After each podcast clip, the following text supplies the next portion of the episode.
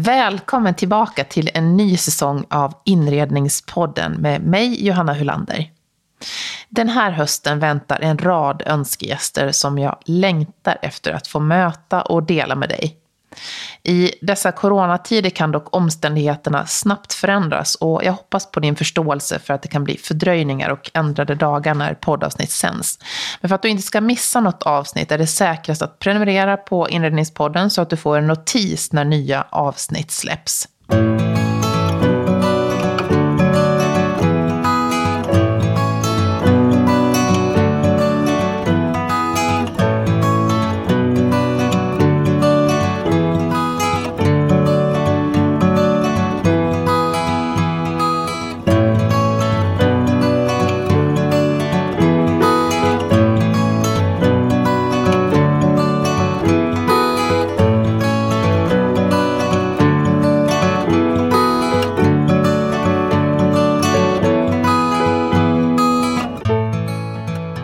Höstens första avsnitt följer jag upp det rekordstora intresset för trädgård, odling och att skapa inredning med växter som fortsatt hela sommaren. Jag cyklar än en gång ut till Rosendals trädgård på Djurgården i Stockholm. Den här gången möter jag trädgårdsmästaren och blomsterkreatören Maria Berg. Och vi fokuserar på hur vi tar hand om vår trädgård, balkong eller odlingar på hösten och vintern. Oavsett om du är nybörjare eller om du är en van odlare så passar det här avsnittet utmärkt. Och vi är också många som har hemmakontor i dessa dagar. Det är viktigare än någonsin att trivas hemma. Maria delar även med sig av tips och idéer på hur man skapar trivsel just i uterummen på hösten och vintern.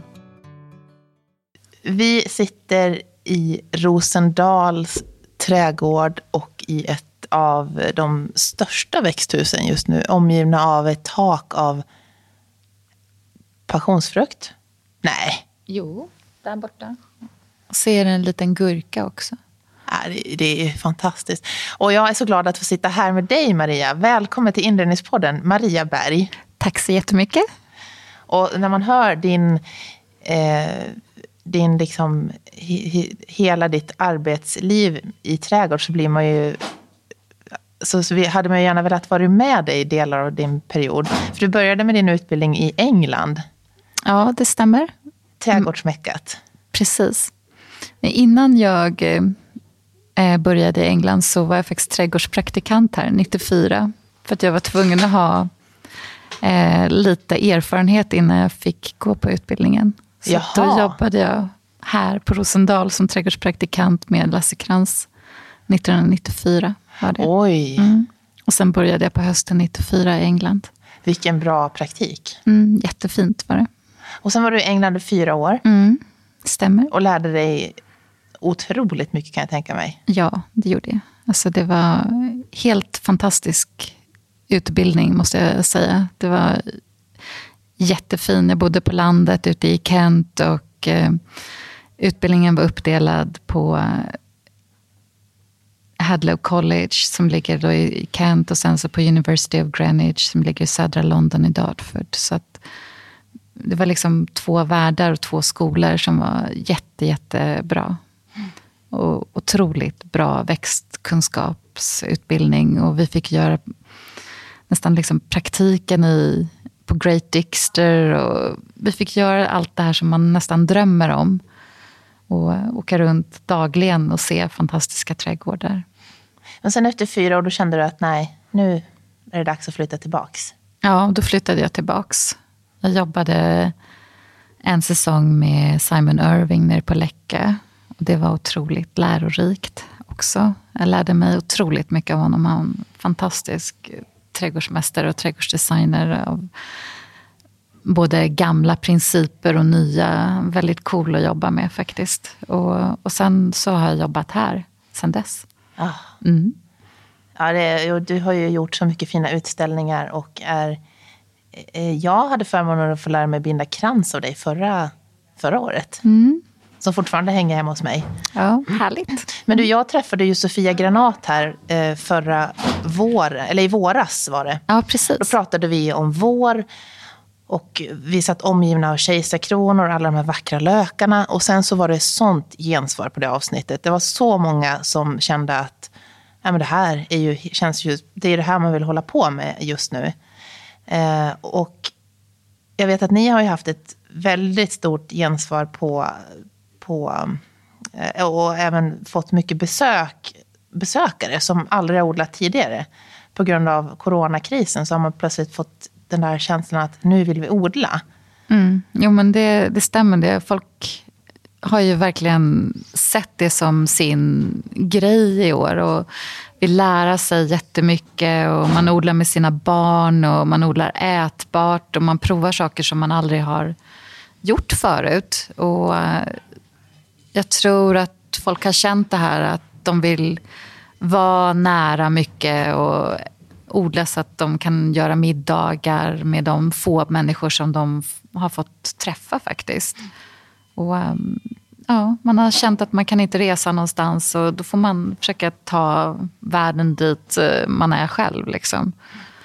Så lite så har det varit. Har det varit många som, som aldrig har odlat förut? Märker ni en skillnad i år ja, jämfört med andra år? Men det, det, tycker jag faktiskt. Jag tycker att det är väldigt mycket så nybörjarfrågor och eh, ja, hur, hur, man sår grejer, hur man att man, man också genuint vill lära sig hur man gör från grunden. Inte bara liksom köpa färdiga plantor utan också förstår att du kan göra grejer själv och att folk har haft tiden för att lära sig att göra grejerna själv. För normalt så är folk stressade och kanske bara köper färdiga saker i maj. Men nu, redan från mars, så har det varit väldigt mycket med hamstring av fröer och ja, både liksom unga åldrar och även upp till gamla. Alla har varit rätt på, tycker jag, i år. Mm. Och därför så spelar vi in det här avsnittet för att eh, ni som lyssnar, som har odlat nu under våren och sommaren, ska få en uppföljning. För det är ju många frågor som man står inför. Eh, och de har vi samlat i det här avsnittet också. Eh, man har gjort misstag som, som du sa var väldigt nyttiga, men det är lite jobbigt. Eh, men, men man har lärt sig väldigt mycket. Och därför så har vi ju summerat de vanligaste frågorna som, som vi har sett så här långt. Eh, och det du sa, någonting som jag tog till mig mycket av innan vi, när vi pratade här, det var just det här att ta vara på de här misstagen som du har gjort.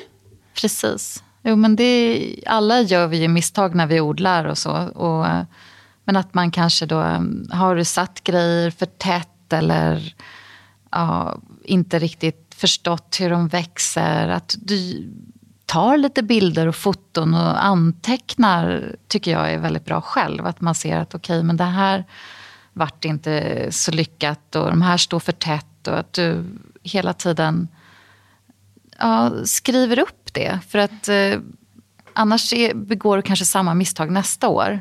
Och det är mycket lättare liksom att reda ut sånt när du sitter där på vintern sen och ska börja beställa nya plantor eller frön och sånt där. Att du är medveten om det redan tidigt. Det brukar vara väldigt bra tycker jag.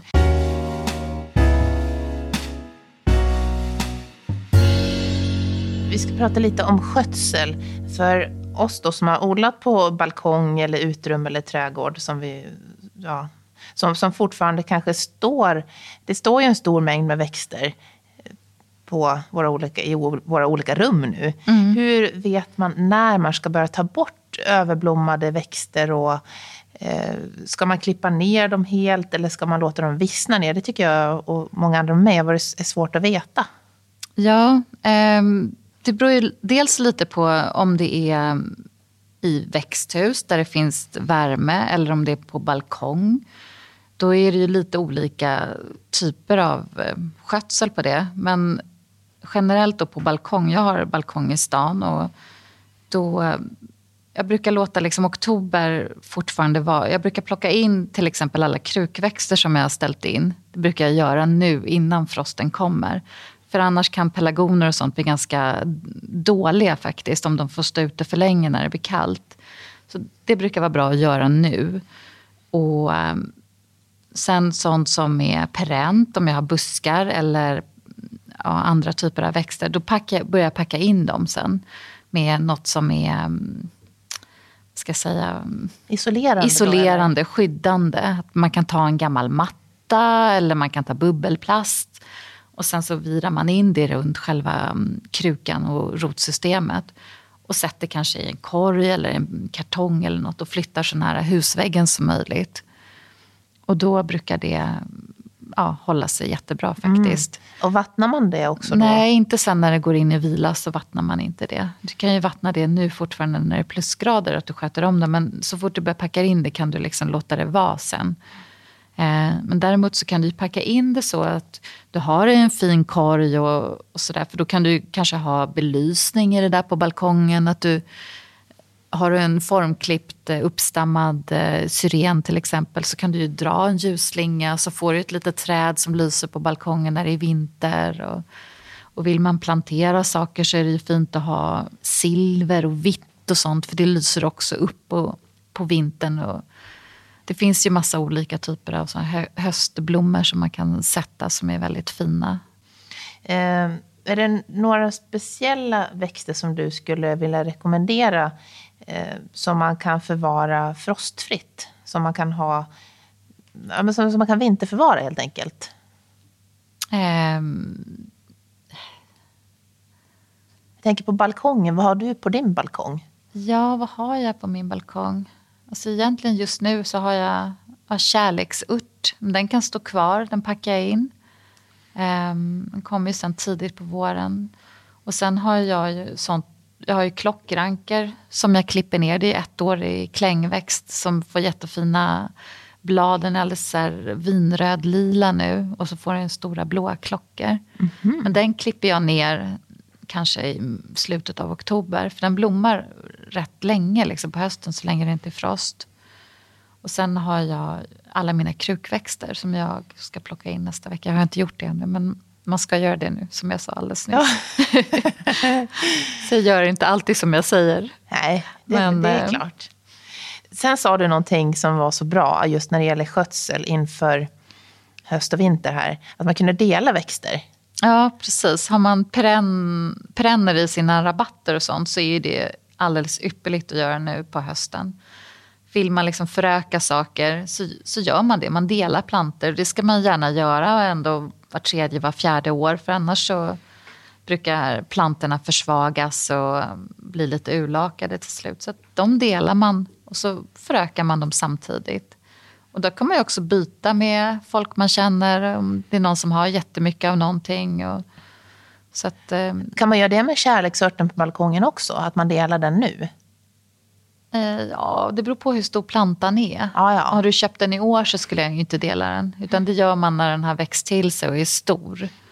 Och har, så att man ser att det går att dela. Du ska egentligen sticka liksom en spade ner och ha planterat upp den i en stor kruka. Men nästa år kanske, eller om två år, ja, skulle jag göra det. Så om man De har... måste få växa till sig först. Ja, så har man stora växter som har funnits, överlevt flera år så kan man göra det nu. Ja. Mm. Men speciellt i trädgårdar så är det ju viktigt att dela och, och sköta. Du sköter ju om din trädgård genom att dela dem och föryngra dina planter. Liksom. Mm. Och framförallt så är det ju eh, en ekonomisk sak också. Du sparar ju Absolut, en del pengar det gör man. Och hösten är en bra tid att köpa växter också. Dels brukar det vara lite reor och, eh, och sen så ser man också vad som har funkat bra i sin trädgård efter den här säsongen. Och, så att, ehm, ja, jag tycker att det är jättebra. Och just träd och buskar är ju bäst att plantera på hösten. Så att det är alltid bäst att etablera sånt då. Det känns ju lite sådär fel. För man tänker att men, inför våren, när de har tid att växa till sig, så borde det vara rätt säsong. Men det ja, är nu. Nej, men det är nu man gör det. Och det är absolut bäst att göra det.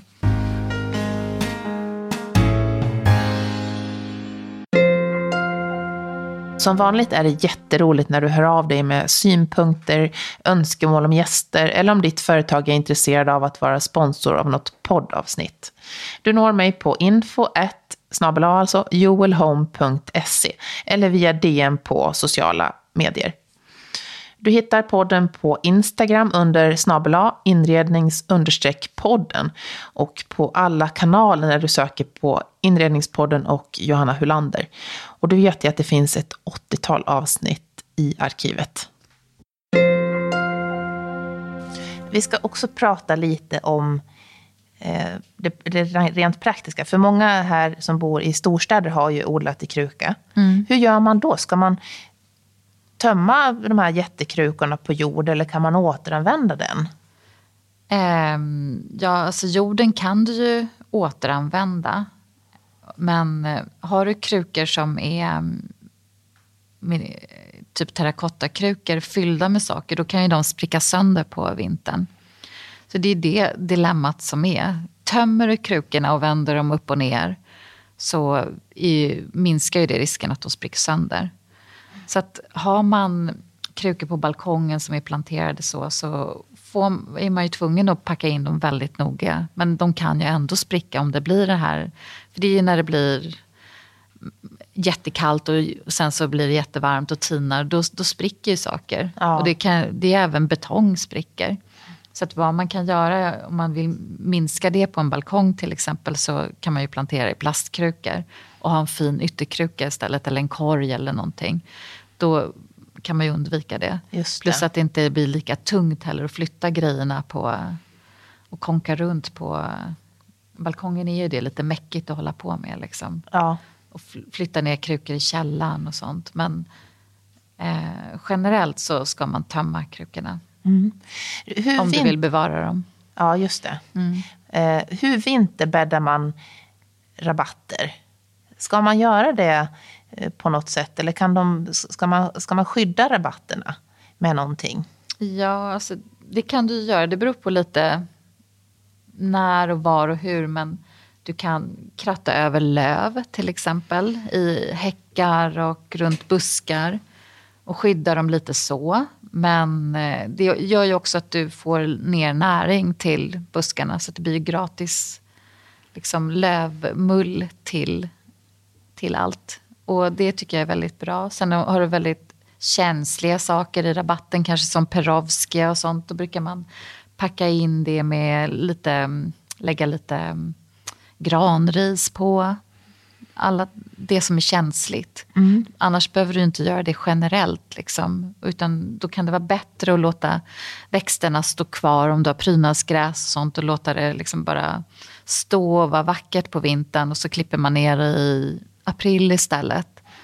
För att um, ofta så är det ju ihåliga rör i, i prydnadsgräs och kommer det fukt in så ruttnar gräset istället. Så att det finns liksom en praktisk anledning till att man inte klipper ner dem heller. Och fint såklart, för ja, då är det ju vackert året Det är jättefint med liksom de här vipporna som vippar hela vintern med frost i. Och att man får lite vertikaler kvar i trädgården, för annars blir det väldigt platt och grått. Liksom. Mm. Så därför tycker jag också att det är fint att låta grejerna stå kvar. För att kommer snön och kommer frosten så blir det liksom en annan dimension till den där trädgården som man faktiskt har kvar. Och lite struktur och lite form. Och uh, det är väldigt fint faktiskt. Mm. Det fanns ju väldigt mycket fina grässorter såg jag när jag gick runt i, i trädgården här, uh, här ute nu. Mm. Och just det passar ju väldigt bra många har ju kanske en nyanlagd trädgård som man vill ha lite till ett modernt hus. Och det måste ju vara idealiskt. Ja, det är ju fantastiskt att kunna ha det. Och, och välja olika variationer av prydnadsgräs är också fint. De kan du också använda och göra kransar av och sånt. Mm. Det är jättefint ja. faktiskt att torka och ta in.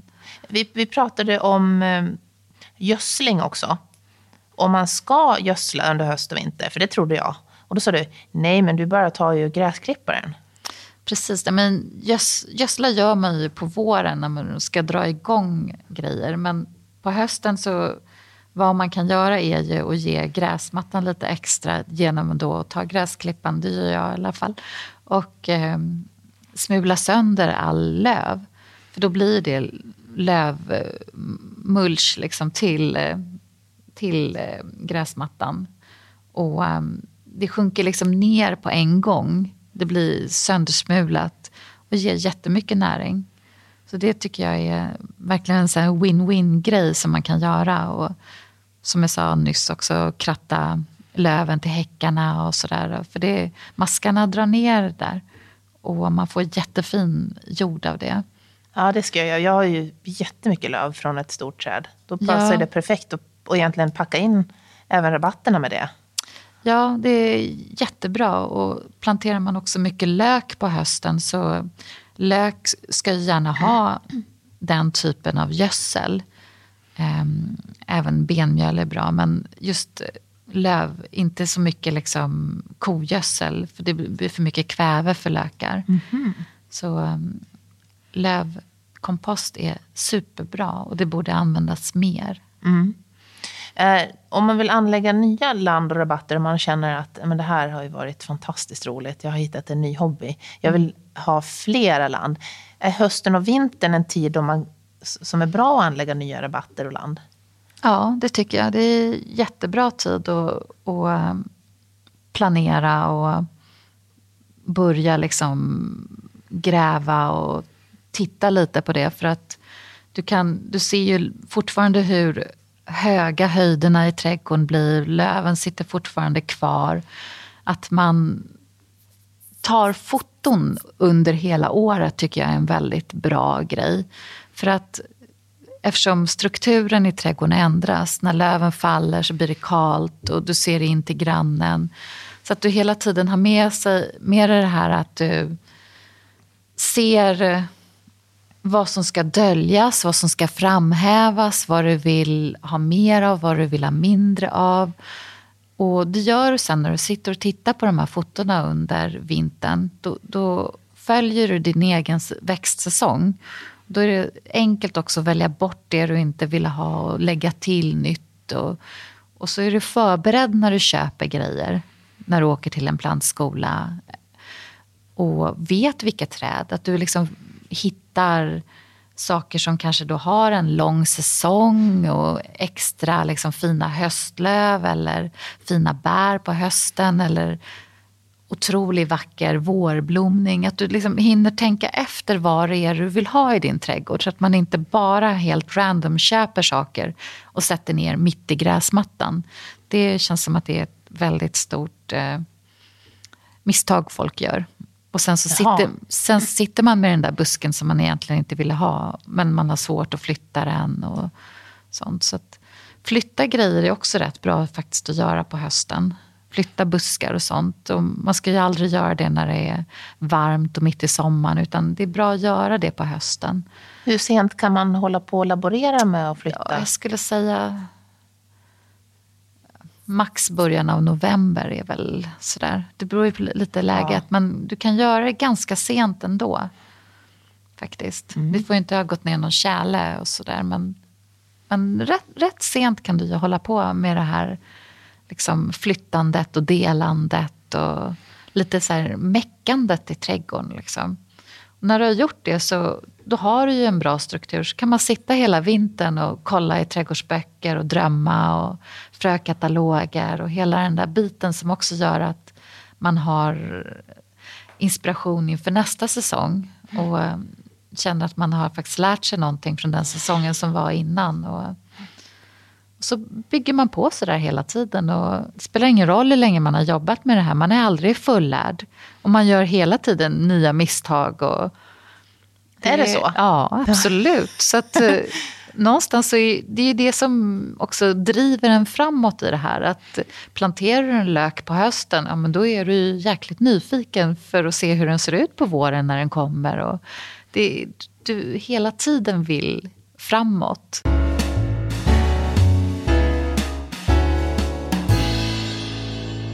beskärning. Ja. Hur vet man vad man ska beskära och inte beskära? Det är ju inte så lätt har jag kommit på, och många med mig. Nej, utan eh, det är ju, det är ju lite knepigt. Liksom. Men det bästa är ju att man verkligen, dels om man köper växter, tar reda på vad det är för sorter. För då kan du kolla upp väldigt enkelt hur det beskärs och när det beskärs. Eh, vet du inte det så tar du reda på det. För det är liksom A och O, så att du inte bara helt random går in med en så här motorsåg och sågar ner allting. utan Ehm, det, det, är mitt första råd. Ehm, mycket beskärs ju i april, typ eh, syrener och mycket tidiga buskar och sånt. Så att man gör mycket beskärning då. Och sen så beskär man ju oftast efter kanske mm, blomning, om det är doftjasminer och sånt. Så att antingen tidigt på våren eller efter blomning brukar vara det som är. På vintern beskär du ju äppelträd och sånt. Du kan även jasbeskära dem juli, augusti, september. Då kan du beskära lite liksom, Då är man på... Då, grövre grenar och sånt. men, men på vinter kan man också gå ut och, och beskära Ja, fruktträden? precis. Det, det, äppelträd och sånt. Bara? Ja, precis. Mm. Inte körsbärsträd och sånt beskär du inte. Inte stenfrukt på vintern. Men det är ju trevligt, då kan man ta in dem. Sätta dem i vatten så får man lite grönska. Ja, äppelgrenarna är absolut värda att spara då. Och driva. Det tar ju några veckor men det är ju bara att göra. Eh, vi har ju också, vi som har odlat och, och i sommar har ju sett att det, har kom, det finns ju väldigt mycket skadedjur. I alla former, bland annat mördarsniglar, Ja, harar, Ja. rådjur, ja you name it. precis. Jo, men man får ju göra så gott man kan. Har man mycket mördarsniglar så nu när de är kvar i trädgården och det är fuktigt att man ja, klipper sönder dem eller hur man nu vill gå tillväga eller dränka dem. Men att man försöker faktiskt rensa och få bort dem för att de lägger ju ägg och sånt. Att man är lite noggrann och försöker städa upp lite i sin trädgård och sånt med alla den typen. Och även för harar och rådjur att man stänger in. Jag tycker det är nästan det bästa. Att, och att man anpassar lite det man väljer att plantera i sin trädgård. Att ja, det här kanske inte är det de äter i första hand. Har man mycket rådjur, ja, men plantera inte växter som de älskar eller plantera tulpaner och sånt, utan välj bort det. Då. Tulpaner älskar de alltså? Ja, det gör de. Mhm.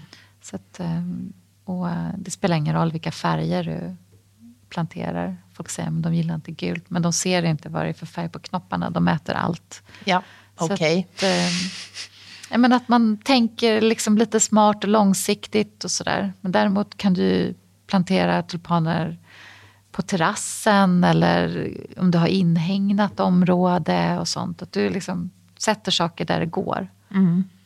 Man tänker ett snäpp längre. Där rök min tulpanodling hörde jag. Det Ja. var tyvärr. Ja. Men du får ta narcisser istället. Jaha, okej. Mm. Då, då Det finns and, det. andra små ljuvligheter man kan ha.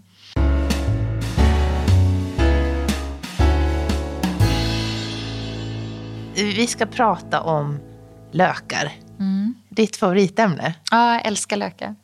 Och jag har aldrig sett så mycket dahlia-bilder passera på sociala medier som i år.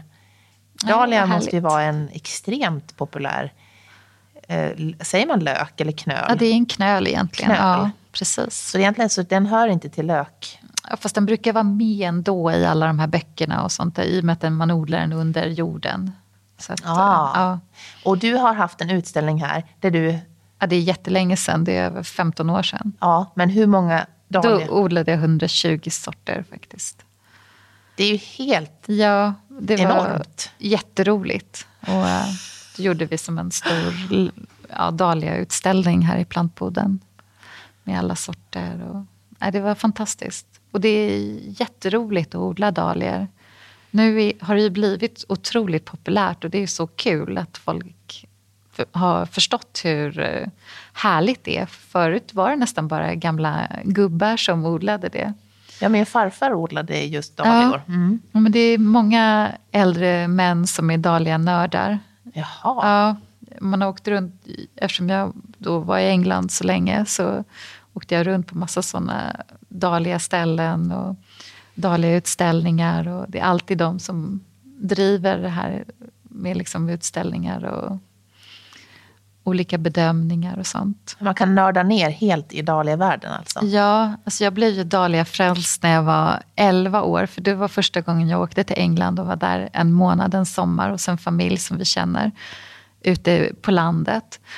Och i den kyrkan som var där, i den lilla byn, det var en sån liten mysig Agatha Christie-by. Och då hade de en blomsterutställning varje eh, augusti när jag var där. Och då fick vi åka och plocka dahlior i trädgårdarna. Och då hade Oj. jag nästan aldrig sett någon dahlia. Och då fick vi, för att man skulle dekorera upp hela kyrkan. Och det var helt fantastiskt. Jag var helt så här såld. Kommer jag ihåg. Vi lastade bilar bara fulla med blommor. Nej, ja, men det var så otroligt fantastiskt. Och alla de här gamla damerna då i den här byn ordnade allting så vi fick vara med. Men då jag och min kompis som jag bodde hos då, som vi båda var 11 år, eh, då fotade de oss och gjorde vi små blomsterarrangemang. Vi hamnade i tidningen då. Så det är så här, mitt första blomsterarrangemang är från när jag är 11 år och var i England. Nej mm. Åh. Var det då du blev också biten av? Ja, jag tror faktiskt att jag varit biten så riktigt ordentligt. Men sen har både min farmor, jätteduktig odlare, men sen var min morfar och min morfars far var trädgårdsmästare också. Mm. Mm. Så det har funnits liksom i familjen. Ja, de gröna fingrarna. Mm. Men eh, du sa några saker till mig mm. eh, som var så bra.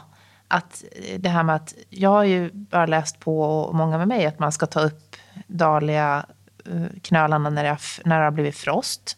Men det behövde man inte göra.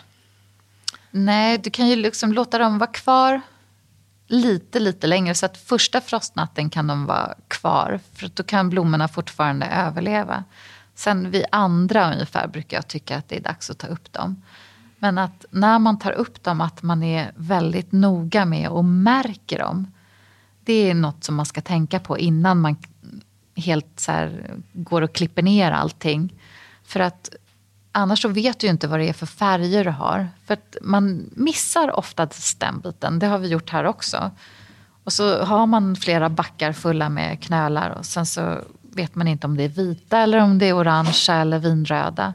Och det försvårar ju arbetet på våren sen när du ska sätta dem någonstans om du vill ha dem på olika ställen.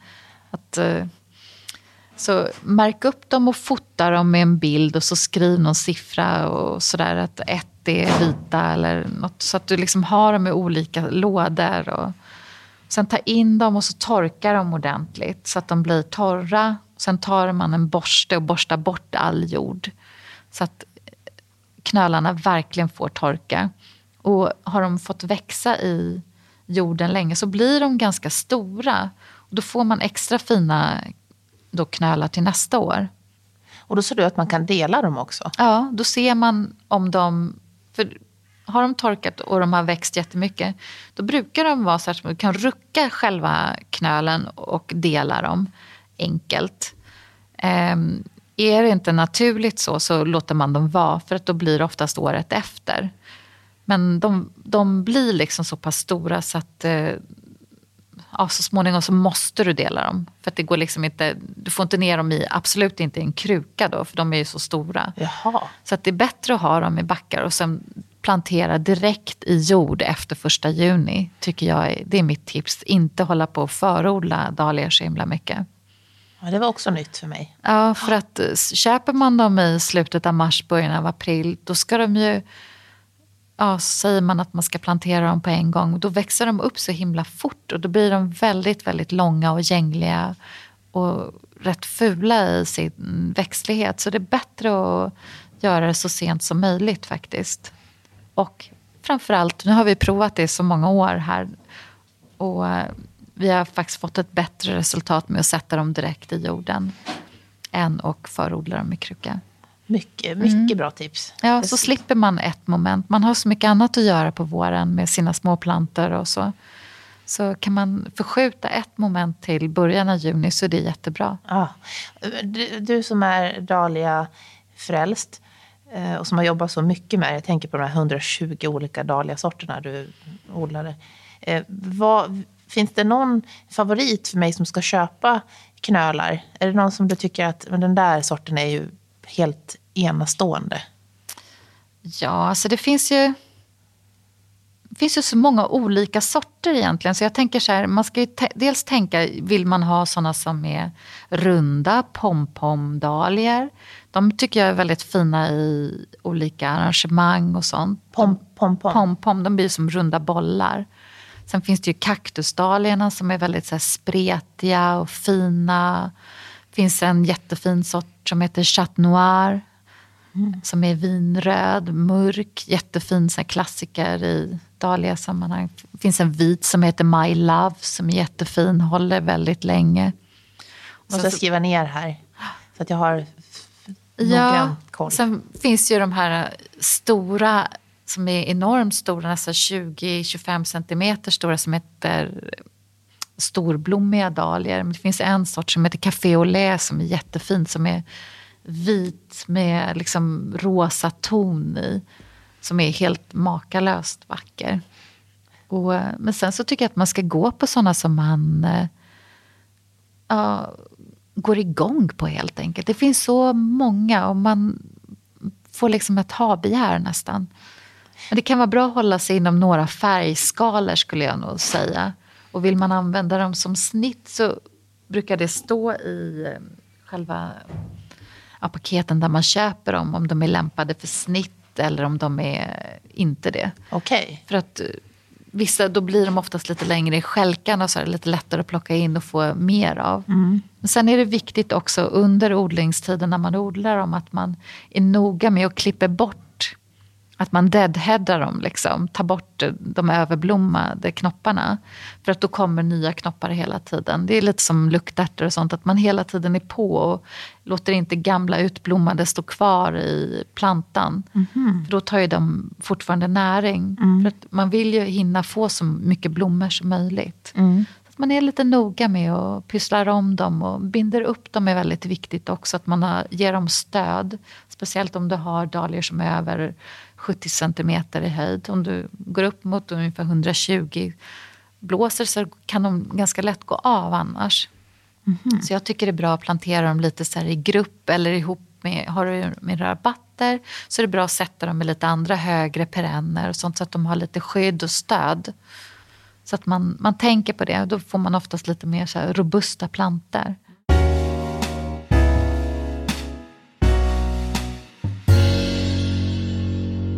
Det här var det första av två avsnitt som sänds på Rosendals trädgård med trädgårdsmästaren Maria Berg. Nästa vecka sänds den avslutande delen. Till dess, ha en fin vecka.